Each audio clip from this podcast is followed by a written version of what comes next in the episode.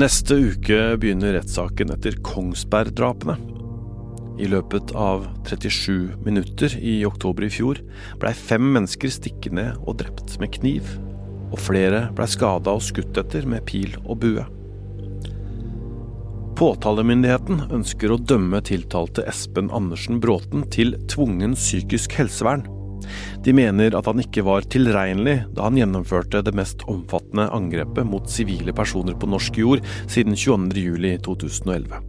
Han skal altså ikke straffes. Vi skal tilbake til rettssaken etter Kongsberg-drapene i en annen episode. Men i dag skal du få møte en av dem som har jobba aller mest med utilregnelighet, og hvilken hjelp man skal gi dem som er så psykisk syke, nemlig rettspsykiater Randi Rosenquist. Nå skal du få møte Randi og hennes eh, fascinerende og ganske så skumle verden. Hun er i dag 70 år, og jobben hennes har alltid vært, som hun sier sjøl, å hjelpe folk til å ha det litt mindre jævlig. Hun er også en av dem som har snakka mest med Anders Behring Breivik. Hva er det de to har snakka om? Det er krimkommentator Øystein Milli og jeg, Tor Erling Tømt Ruud, som har hatt besøk i studio. Dette er Krimpodden i VG.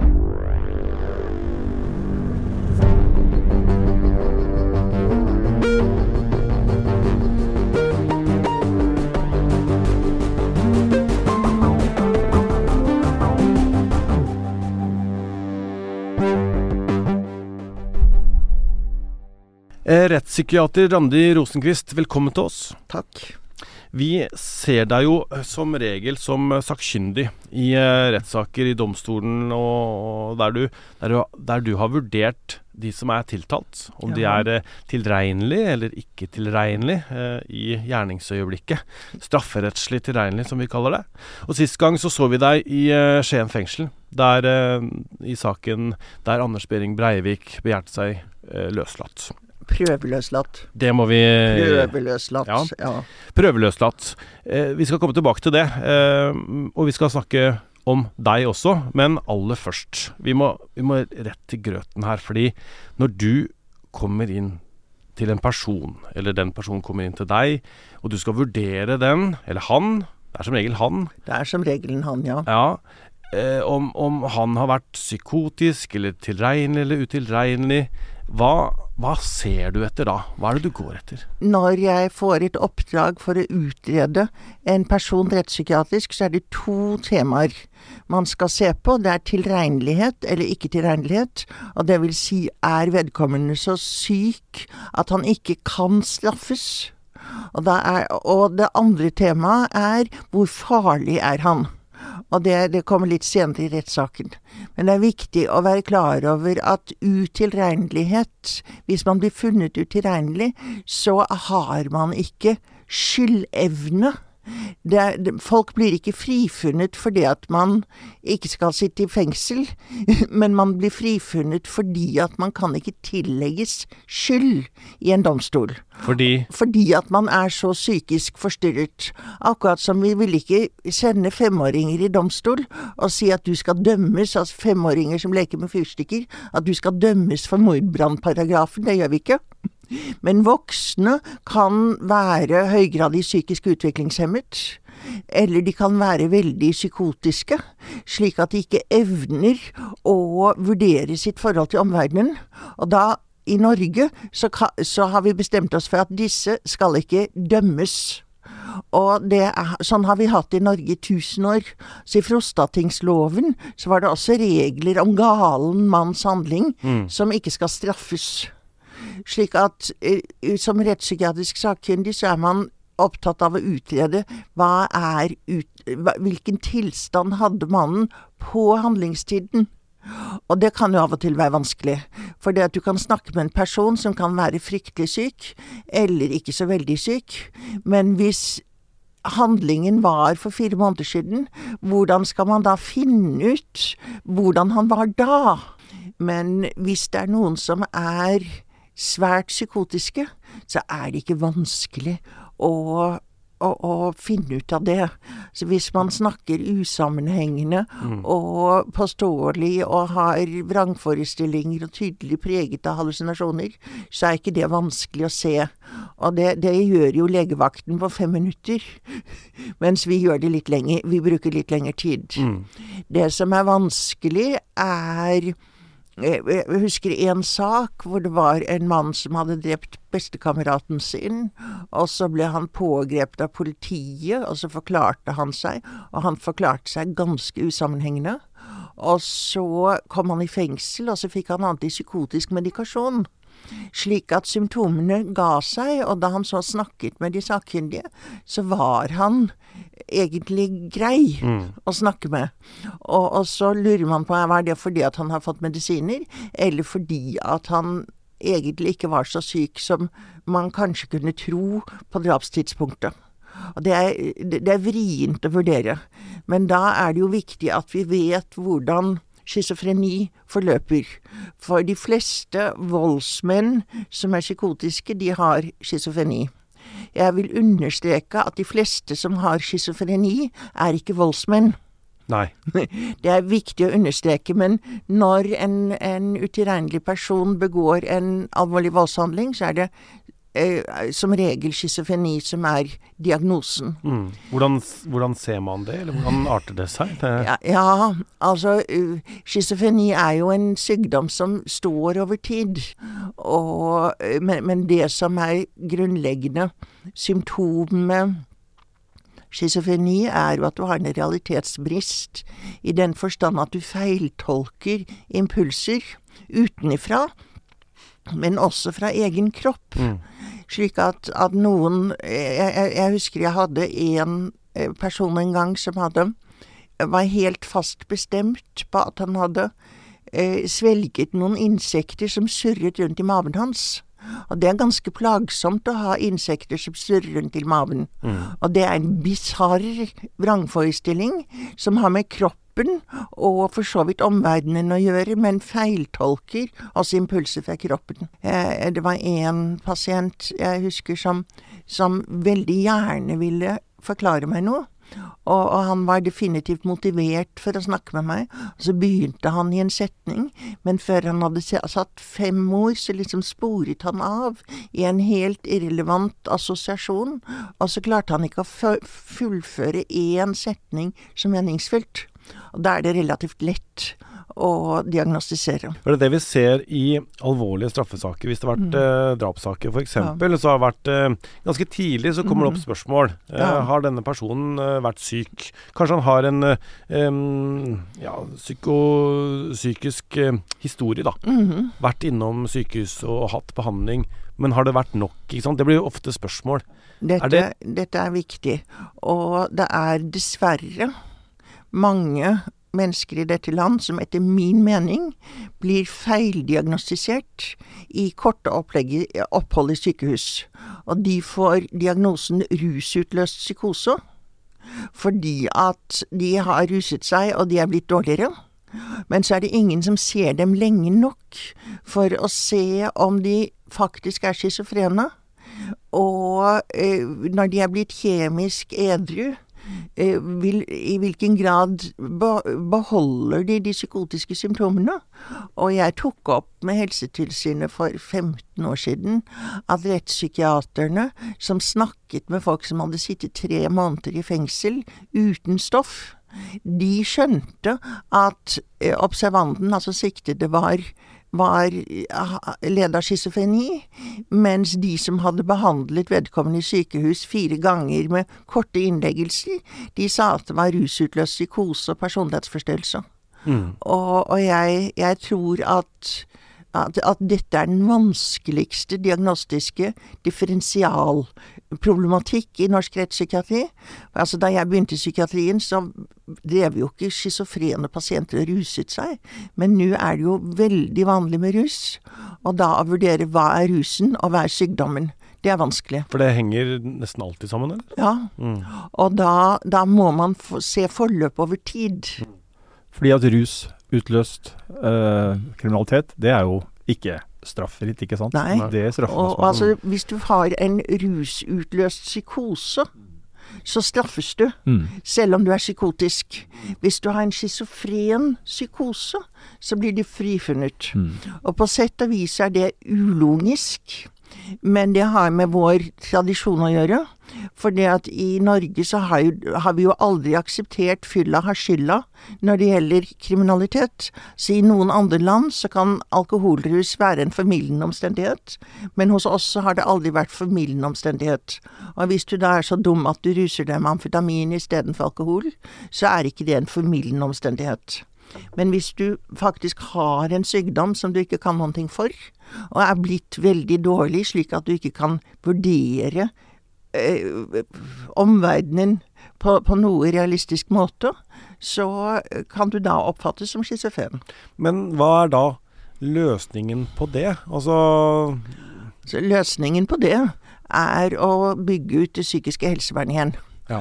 Og altså jeg Men å holde folk inne, eller? Eh, Mer inne enn enn nå, iallfall. Vi har nå en tredjedel av de sengene i psykiatrien som vi hadde i 1990. Mm. Og gjennomsnitts liggetid i psykiatrien er blitt sånn omtrent en uke. Og når du da tenker på at det er veldig Eller det er en del pasienter som er der veldig lenge, så vil de største andel pasienter vil være der bare noen dager.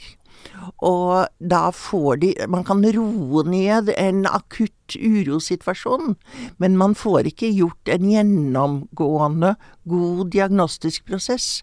Og, og man klarer heller ikke å komme i en relasjon, en behandlingsmessig relasjon, til en pasient, og derved motivere vedkommende til å følge opp en behandling.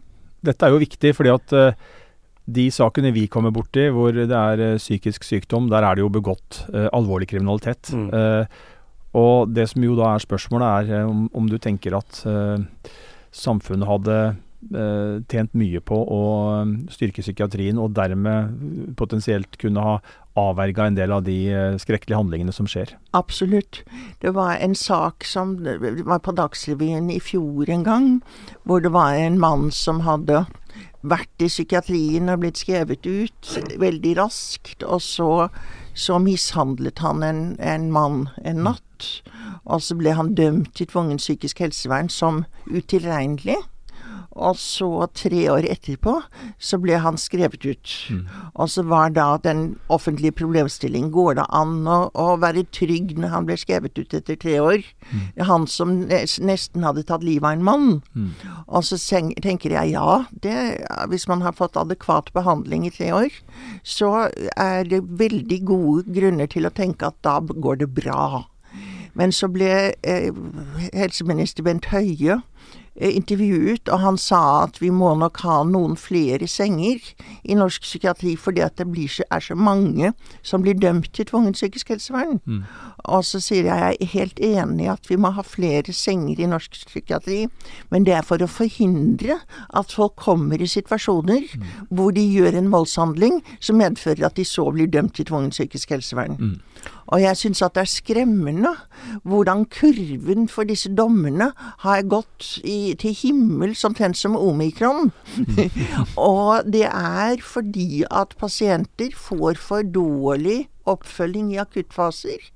Og, og så, så blir de dårlige, og så blir det tull. Og så i noen av disse tilfellene så blir det også vold.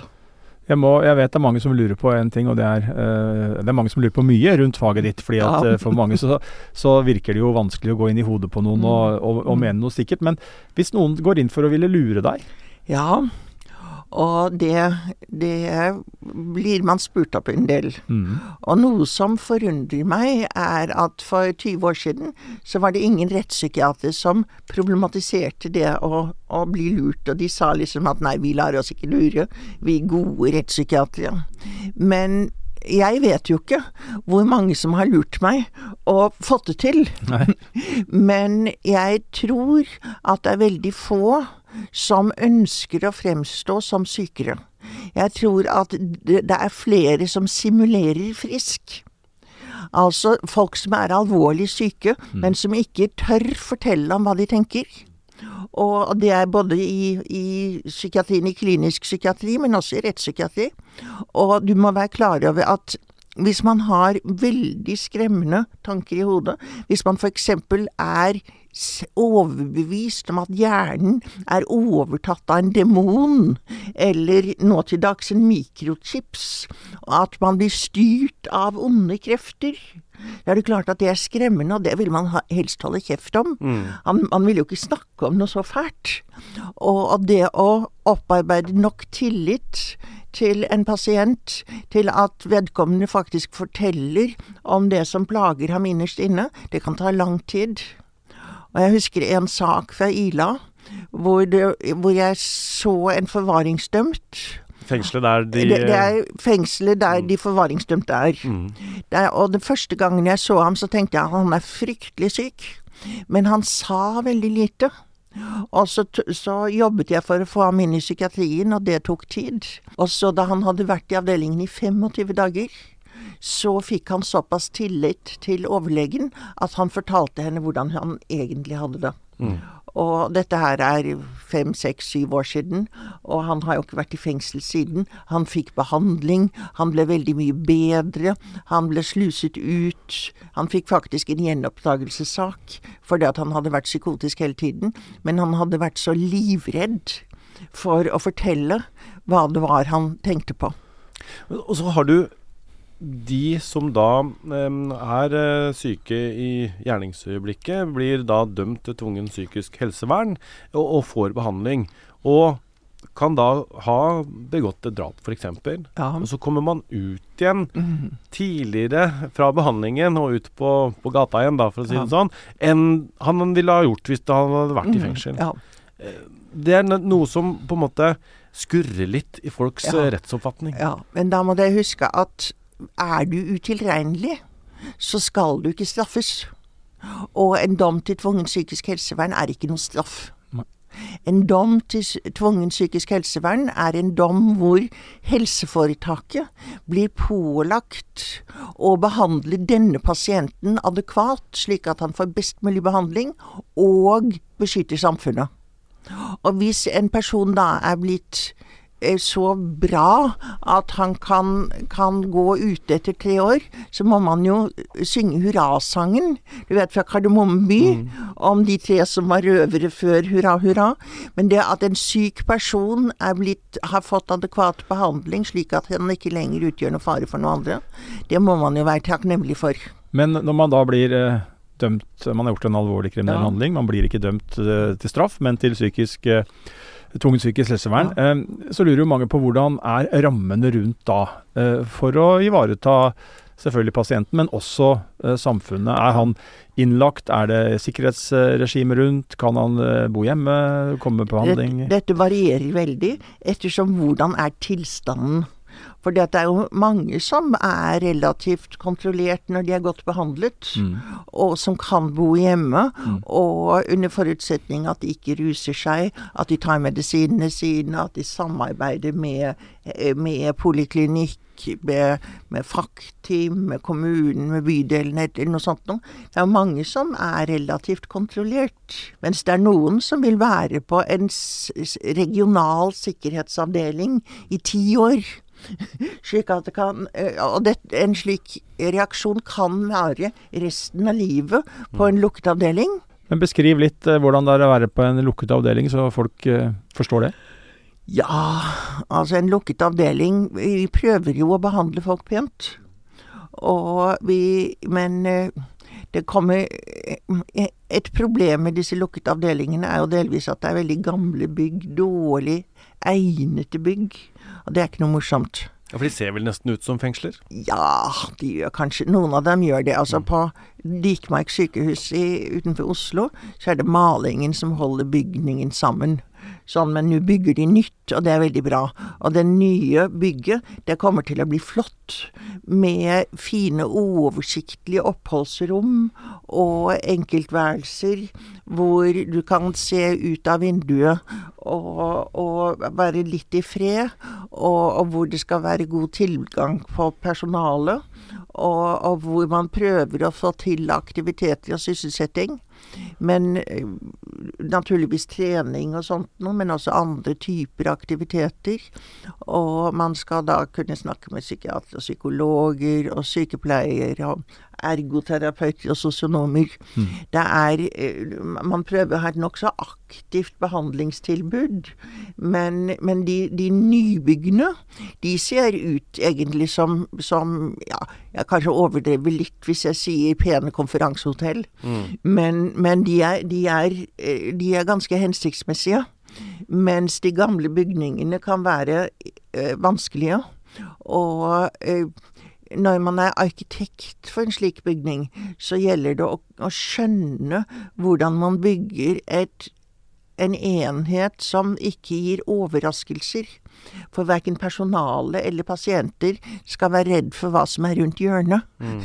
så det skal være oversiktlig. Oversiktlig og ja. lyst, sikkert. ja. ja. ja. Så, men, men, du får ikke lov til å gå ut annet enn med følge med personalet. Men, men, da må dere huske på at de som er på disse avdelingene, er veldig syke. Men det sier jo litt om hvordan vi som samfunn behandler de som er veldig syke. da. Altså Hvis det blir sånn som du beskriver nå, så vil jeg jo si at det, det er en, en, god behandling. Eh, men sånn har det jo ikke alltid vært.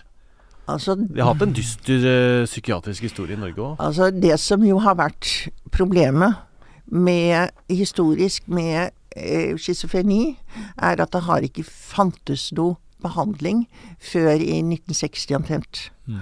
Og de, da man bygget ut norske psykiatriske sykehus Gaustad sykehus ble bygget omtrent på 1850. Og da tok man landets fremste arkitekt, og Norge som var et fattig land, investerte på, på veldig store, flotte flotte bygninger til de psykotiske pasientene. Og de psykiaterne som jobbet der, tenkte at hvis man fikk være sammen med pasientene i rolige omgivelser, skjermet med gode samtaler og gode aktiviteter, så, så ville de bli friskere relativt raskt. Dette skjedde ikke, slik at de psykiatriske sykehusene som man bygget ut ellers i, i i Norge, de ble, noen av dem ble ganske overbefolket. Og eh, først da, i, da, man i 1960 fikk effektiv medisin, så begynte jo folk å kunne bli bedre. Men de som allerede hadde vært syke i 30-40 år, de, de var jo kronifisert. Og, og, selv om jeg sier at disse gamle psykiatriske sykehusene var statsbygninger, så var jo allikevel bemanningen dårlig i forhold til det vi har nå, eller det vi ønsker å ha nå. Men jeg kan tenke at alt var dårligere ja. i de harde 30-åra. Ja. Ikke sant? Så, og, og jeg tror jo at psykiatrien aldri har ønsket å være undertrykkende. Men at Altså, det finnes sikkert noen sadistiske øh, pleiere et eller annet sted. Men at man har vært ganske hjelpeløs. Men du har jo sett altså, Jeg ser for meg på en måte mørke bygninger med, med litt sånn harde senger, med reimer på hender og føtter, ja. lobotomering, elektrosjokk ja. osv. Altså lobotomering Altså han som fant opp lobotomering. Han fikk jo faktisk nobelprisen i medisin. Fordi at det, og skrur inn i, inn i hjernen? Ja, man går inn med en nål, og så rører man litt rundt. Ja. Uten å vite hva man gjør. Ja. Men altså det som da var situasjonen på 40-tallet og 50-tallet, var at folk som ellers hadde vært fryktelig syke, ble roligere og noen av dem kunne skrives hjem til familien og sitte i en stol og strikke strømper, istedenfor å å kaste seg rundt i en skjermet enhet. Jeg husker jeg, jeg snakket med en, en, lege som hadde studert på, på 30-tallet, og hun fortalte meg at når man gikk visitt på Gaustad sykehus, på uroavdelingen, så var det slik at overlegen gikk bak to store, sterke pleiere som bar et ullteppe mellom seg. Og så åpnet de døren for å fange pasienten og tulle pasienten inn i ullteppet, slik at pasienten ikke skulle skade noen som kom inn. Og hvis det er situasjonen som pågår over år, og du så kan røre litt i hodet med en, med en nål, og vedkommende kan sitte og spise sammen med andre mennesker og, og kanskje lese en bok, så, så, tenker man at det var en fordel. Mm. Men det som jo er ille med lobotomien, var at man, man var vel såpass fortvilt at man ikke skjønte at dødeligheten var veldig høy. Mm. Hva tror du hva tror du hvis det sitter noen om eh, 60-70 år og ser tilbake igjen på dagens rettspsykiatri? Hvilken dom feller de? Det vet jeg ikke. Hadde jeg visst at hva som skulle være dommen, at den skulle være negativ, så hadde jeg jo prøvd å gjøre noe med det. Hva ser du som utfordringene? Men, men det jeg tror vi kommer til å, å, å, se om 50 år, det er at psykiatrien var for lite utbygget. Eller altså for mye nedbygget. Og så er det dessverre slik at helse, helsepolitikerne vet at hvis pasienter som sier nei, jeg vil ikke ha behandling, da ikke får behandling, så koster det mindre på kort sikt. Og jeg tror vi har bygget ned psykiatrien altfor langt. Og, og, dette bekymrer meg stort. Og nå ser jeg at altså denne nedbyggingen av psykiatrisenger, den bare fortsetter. Og de fleste helseforetak i Norge planlegger jo nybygg i, på sykehussektoren. Og så selv, vil de selge de store psykiatriske sykehusene for å finansiere nye somatiske sykehus. F.eks. Sanderud og Reinsvoll, som ligger på Hamar og på Gjøvik, de skal da realiseres for å finansiere Mjøssykehuset. Mm. Og uh, den gangen man bygget disse sykehusene for 150 år siden og sånn, så var det jo store tomter langt ute på landet. Men nå er jo uh, disse tomtene blitt en del av byen, og mm. ganske attraktive. Og jeg ser at det er allerede skjedd i Østfold, f.eks. VM sykehus er solgt til eh, flott, moderne bolig utvikling. Så er de psykiatriske pasientene flyttet inn på et veldig trangt somatisk sykehus, og det er ikke bra. På Blakstad sykehus i, i Asker planlegges solgt, og så skal pasienter flytte inn på det nye sykehuset i Drammen. Og hvis du trenger fem års opphold på en sikkerhetsavdeling, så syns jeg at det er veldig rart at man skal være i et trangt bygg på en stor somatisk sykehus midt i trafikken. Mm. Planene for Oslo er jo å redusere ytterligere psykiatriske senger. Og riktignok så sier de at det skal de ikke gjøre, men når de hvis, hvis de faktisk legger ned Gaustad sykehus, og flytter psykiatrien til, til Aker sykehus, så skal de ikke legge ned senger, sier de.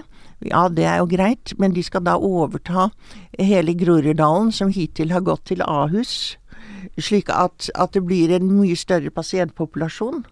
Slik at, at det, er, det er Det er en misforståelse at pasienter har best av kortvarig behandling. Mm. Og jeg jeg så at nåværende helseminister skrev til Stortinget her at psykiatriske pasienter profitterer best på kortvarig intervensjon, mens de som er lenge i psykiatrien, de har mer symptomer og dårligere prognose. Altså så, tenker, så Derfor så skal vi ikke ha langtidspasienter. Og så tenker jeg at jeg har lyst til å gjøre en undersøkelse på trafikkofre. Og, så finne ut, og da tror jeg jeg kommer til å finne ut at de som blir fulgt opp på legevakten, har en bedre prognose, bedre fremtidsutsikt enn de som kommer inn på Sunnaas og ligger der et halvt år. Men jeg vil ikke av den grunnen legge ned Sunnaas. Nei, nei, ikke sant. Og, og, her er det en logisk brist et mm. sted. Mm. For de som trenger lang tid i sykehus, de er veldig syke. Men du, du sa at, uh, at idealet i, i, Norge er autonomi. Altså det betyr at vi bestemmer sjøl over oss sjøl. Ja. Uh, sier du da at det bør være mer tvang? At vi må bestemme over andre? Altså jeg vedkjenner meg at jeg er det man kaller paternalist. Noen tror at jeg er så kjempe for tvang, men jeg er veldig for omsorg. Og i noen tilfeller så må dette gjøres uten pasientens informerte samtykke, for det at pasienten skjønner ikke hva det dreier seg om. Men du, du var jo inne i den eh, saken eh, i, på dette institusjonen i Trondheim. Ja, Reitgjerdet. Der, der det på en måte var utstrakt bruk av tvang. Det var det. Der var du inne og granska, og det blei jo lagt ned. Ja. Altså, Reitere sykehus var en riksinstitusjon for de mest aggressive, psykotiske og kriminelle menn i Norge. Og det ble lagt ned på 80-tallet. Og jeg sa jo litt tidligere at medisinene kom til Norge sånn omtrent i 1960. Og på, i 1960 så var det 18 000 senger i norsk psykiatri. Og i dag er det 3300. Og, eh, men i, på 60-tallet så fikk folk behandling som virket for første gang, slik at man kunne skrive ut pasienter. Og så på 70-tallet så ble flere og flere pasienter skrevet ut, og det var bra. Og de psykiatriske sykehusene de rev luftegårder og sånt noe. Og så sendte de de vanskeligste til Reitgjerdet sykehus. Slik at på Reitgjerdet sykehus så hopet det seg opp med de vanskeligste pasientene. Og det var 250 pasienter der, på, eh, tror jeg, på, på maks eh, pasientantall. Og det var to overleger. Ingen psykolog. Jeg tror ikke det kom sykepleier før nærmere eh, på 70-tallet. Og at Reitgjerdet måtte avvikles, det er helt sikkert. Sånn som Reitgjerdet var den gangen. Og jeg har vondt av de pasientene som var der. Og jeg har vondt av det personalet som var der, i å hadde en helt umulig arbeidsoppgave. Og derfor så har vi jo nå opprettet regionale sikkerhetsavdelinger og lokale sikkerhetsavdelinger som skal se ut som et konferansesenter. Ja. Som skal være mer bemannet. Som skal gi mer omsorg og behandling. Men det, det kan vi jo bare fordi at vi har olje i Norge. Det, det er jo fordi at vi er blitt rikere. Vi må snakke om eh, din eh, befatning med 22.07-saken. Ja. Eh, hvordan du har kommet inn i eh, det arbeidet som du gjør eh, rundt eh, Mm. terroristen Mm. Anders Behring Breivik. ja. Hvordan Jeg- kom, hvordan kom du inn i dette? Jeg arbeidet jo på Ila fengsel da, da Breivik ble varetektsfengslet der. Mm. Og da ble det jo engasjert sakkyndige. Og Breivik hadde jo masse, masse, masse samtaler med politiet og forsvarer. Men han var da, da eneromsplassert, isolert, på, på Gaustad. Nei, nei, nei unnskyld, på, på Ila. Og eh, den høsten Altså, jeg har, jeg har ikke vært helsepersonell på Ila, jeg har vært sakkyndig for kriminalomsorgen.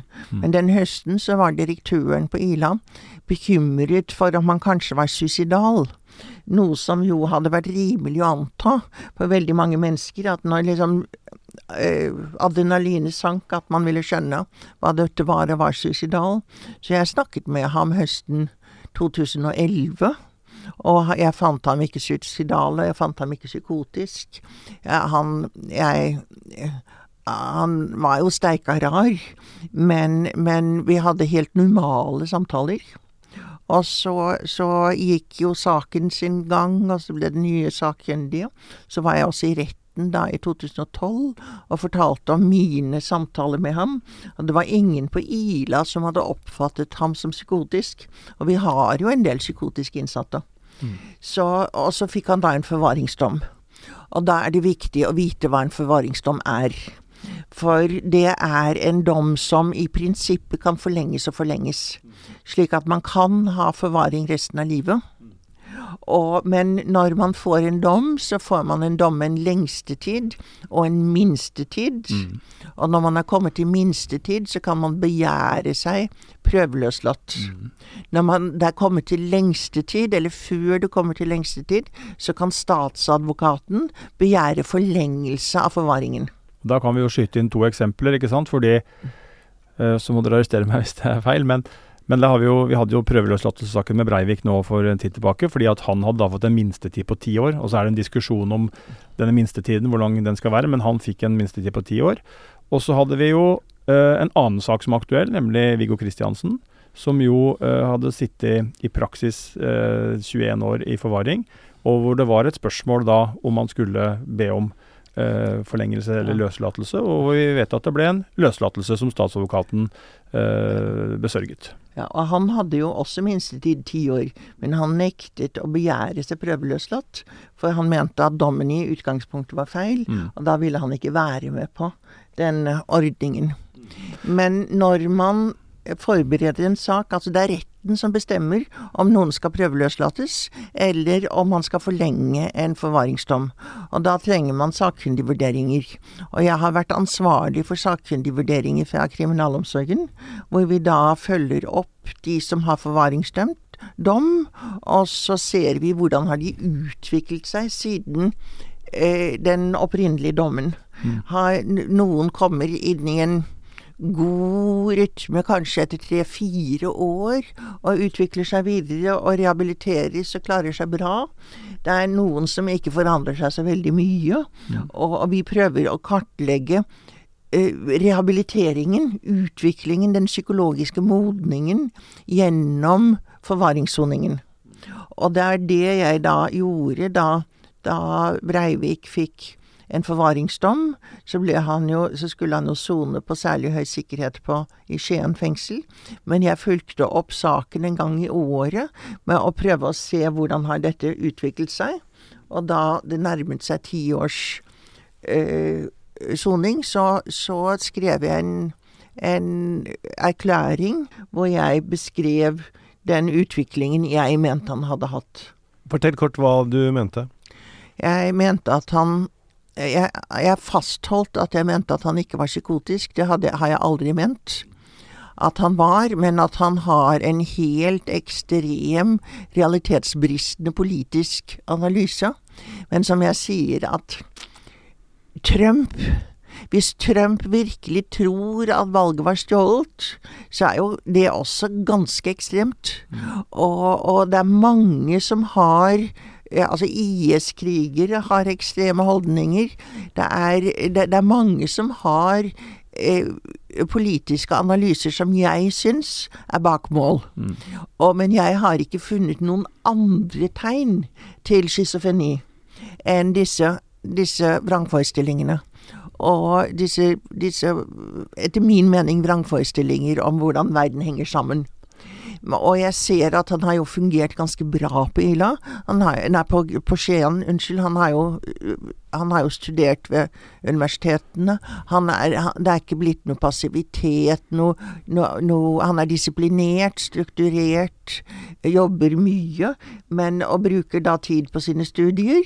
Og bruker da tid på å lage sine ganske vanvittige politiske analyser. Men du kom, til, du kom med noen råd? Noe han burde bruke tida på? Ja, altså jeg har jo da hvert år vært for å snakke med dem for å Og, og, jeg, jeg prøvde prøvde å få ham til å lese romaner mm. istedenfor å, å, å lese politiske eh, analyser. Jeg, jeg, prøvde og jeg foreslo i, for et par år siden at de burde ta ham ut med å kjøre bil, og kanskje, kanskje, gå i skogen et sted hvor det ikke var andre mennesker. Og altså med, med fem tjenestemenn og én Breivik, så hadde det vært helt greit. Mm. Eller kjøre bil og, og til Skien sentrum og kjøpe iskrem til ham, mm. sånn at han ble minnet om hvordan verden utenfor faktisk så ut. Mm. Men det har de nå ikke gjort. Og hva, hvor mye som er korona, og hvor mye som er politisk motvilje mot å, å lette på dette som kalles særlig høy sikkerhet, det vet jeg ikke. Men, eh, og det er jo også et spørsmål om ressurser. Hvis man skal ha fem tjenestemenn som skal gå tur med ham i skogen. Mm. Så, men, men, han, med hans vilje, da? Er han villig til å, til å plukke opp en roman? Nei. Det, synes syns han er altfor femi. Mm. Men uh, han ble jo dømt til forvaring, og det er ja. kanskje greit å bare si noen ord uh, Rosenqvist, om uh, forskjellen på en, et forvaringsløp, sånn rent praktisk, og et vanlig fengselsløp. Ja. Altså, som jeg sa for et liten øyeblikk siden, at for å slippe ut ved forvaring, så må du opp i retten. Mm. Og, og det er liksom hovedforskjellen. Men det praktiske tenkte jeg på. Men, men rent praktisk så er fengsel fengsel. Ja.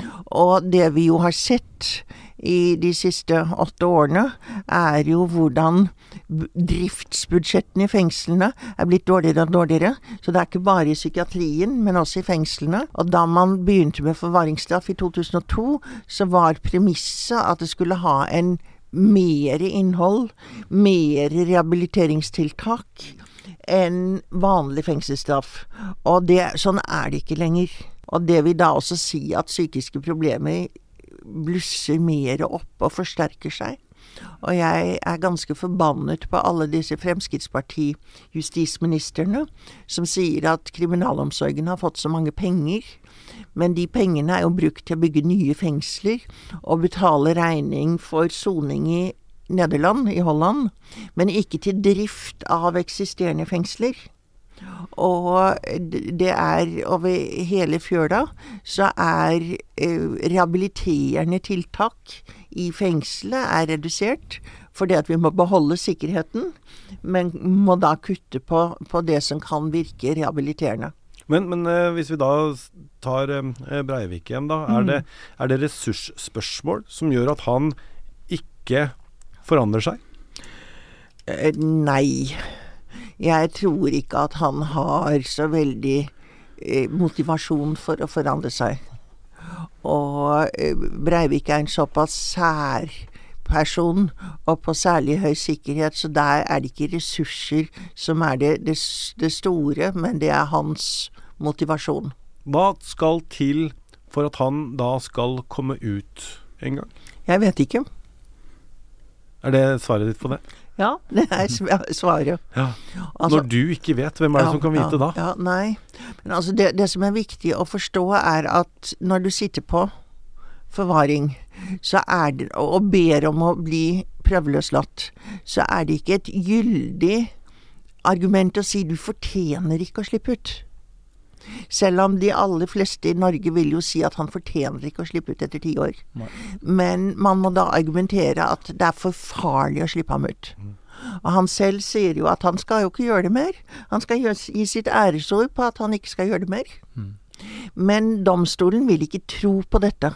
Og jeg tenker at når Breivik står i retten og sier jeg skal, mitt, jeg skal gi mitt æresord på at jeg ikke skal gjøre det mer, så mener han det der og da.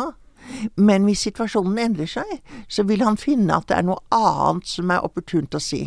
Og jeg har snakket med Breivik om at vi kan ikke stole på ham. Og det skjønner han ikke, for det at han mener han er så ærlig. Og så sier jeg jo, sier jeg, jeg tror nok at du er ærlig når du sier det, men det er, du er ikke konsistent. Du finner hele, hele tiden på nye vrier mm. på hvordan du vil innrette deg. Og vil potensielt kunne gripe en en uh, argumentasjon hvor at jo, men nå endra det seg, så nå var det nødvendig å gjøre dette. Selv om han har sagt at han ikke skal gjøre det. Er det det du mener? Det er det jeg mener. Mm. Hvordan er det å uh, forholde seg til at uh, denne saken jo har prega norsk offentlighet så, så, til de grader, og kommer til å gjøre det? og nå er det vel sånn at det kan i prinsippet komme en prøveløslatelsesbegjæring ja, i hvert år? Ja, heldigvis tar byråkratiet så lang tid at det er bare annethvert år det blir reelt. Ja. Men eh, jeg tenker at neste sak, den vil da eh, det juridiske temaet vil da gå på om han har utviklet seg voldsomt i de to årene fra denne dommen ble rettskraftig til neste sak, så det blir en mye mindre sak. Mm. Og, og jeg, altså når han ikke har utviklet seg noe særlig på ti år, så finner jeg det jo mindre sannsynlig at han kommer til å forandre seg veldig mye på to år. Mm. Så det kan vel hende at det neste gang det kommer for retten, ikke blir så eh, mye oppstuss rundt det som, som, nå, som det var nå. For da var det jo en oppdatering etter ti år. Men da, kommer du til å være i retten da? For det, nå har jo du ja. pensjonert deg. Ja, jeg er pensjonist. Ja. Jeg, har, jeg, har, sagt at Jeg ble pensjonist for to år siden, og jeg har sagt at jeg skulle følge opp Breivik til og med denne runden. Ja. Men nå er det noen andre som skal overta. Og nå har han jo også byttet fengsel. Slik at, at det er noen andre som har ansvar for det, og det syns jeg er veldig greit. Er det mye uvitenhet? Jeg har også hørt deg si på en uh jeg tror det var en NRK-podkast, at du sa at eh, du hadde hørt politikere mene at man burde bare kunne ta seg sammen litt. Ja. Altså, det er jo mye moralisering, og det er jo litt forskjellig fra parti til parti, da. Men, men jeg tror jo at de som er vellykket i samfunnet, de skjønner ikke hvor gæren det går an å være. Og det er en sykdom. Altså, det er jo stygt når jeg sier gæren, mm. men jeg mener du er så annerledes. Så man setter stand, den standarden man har for seg selv, setter man på andre uten å skjønne at de har helt andre forutsetninger. Mm. Og, og, jeg skulle ønske at politikere hadde en mye tettere kontakt med de som var veldig syke. Du sier gæren, og jeg har også hørt at det har vært eh, noen situasjoner hvor du har eh, ja, vært farlig for deg. Ja Da jeg var veldig ung, så ble jeg slått ned en gang. Ja. Og eh, da, da, tenkte jeg Da han slo meg over eh, venstre kinn, og, og da tenkte jeg nå går brillene. Okay. Og synet, og det syntes jeg var ganske ille. Men så kjøpte jeg eh, Så gjorde jeg jo ikke det. Og så kjøpte jeg kontaktlinser som jeg brukte i, i 20 år helt til øynene ble for tørre. Så har jeg blitt truet et par ganger til men altså faktisk, hvis man holder på i sikkerhetspsykiatrien eller i fengsler, det er jo ingen steder man er så trygg som der. De som er mer utsatt, det er jo på avrusning og akuttavdeler og Nav-kontor og sånt noe. Slik at jeg har riktignok hatt med de, de største kjeltringene å gjøre, men i veldig strukturerte former. Så jeg har, jeg, jeg har alltid følt meg trygg på jobb. Hvorfor ble du øh, hvordan ble du psykiater og ja, den karrieren du har ja, hatt? Nei, jeg, jeg, ble jo psykiater fordi at jeg trengte en jobb. Og den, den uh, letteste jobben å få var innen psykiatrien, for det har aldri vært populært.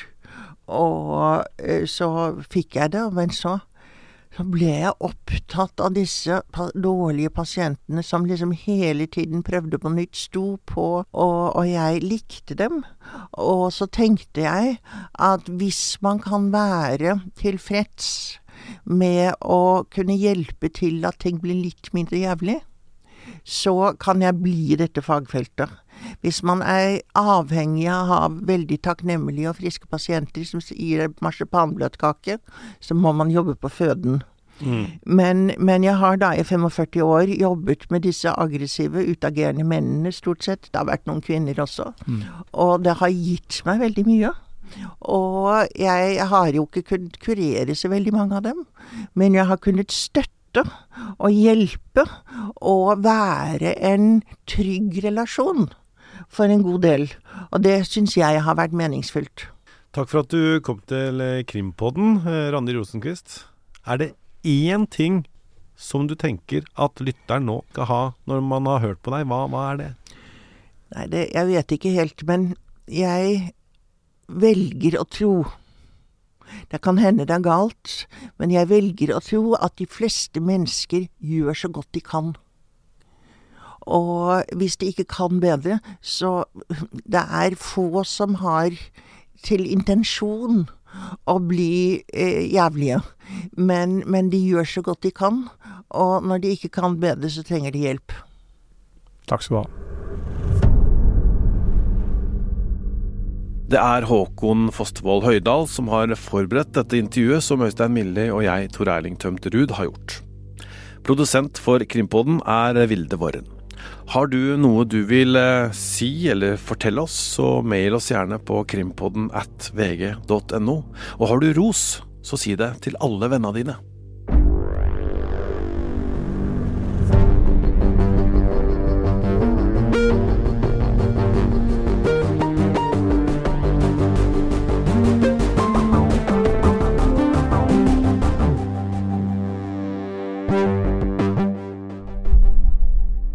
Du har hørt en podkast fra VG.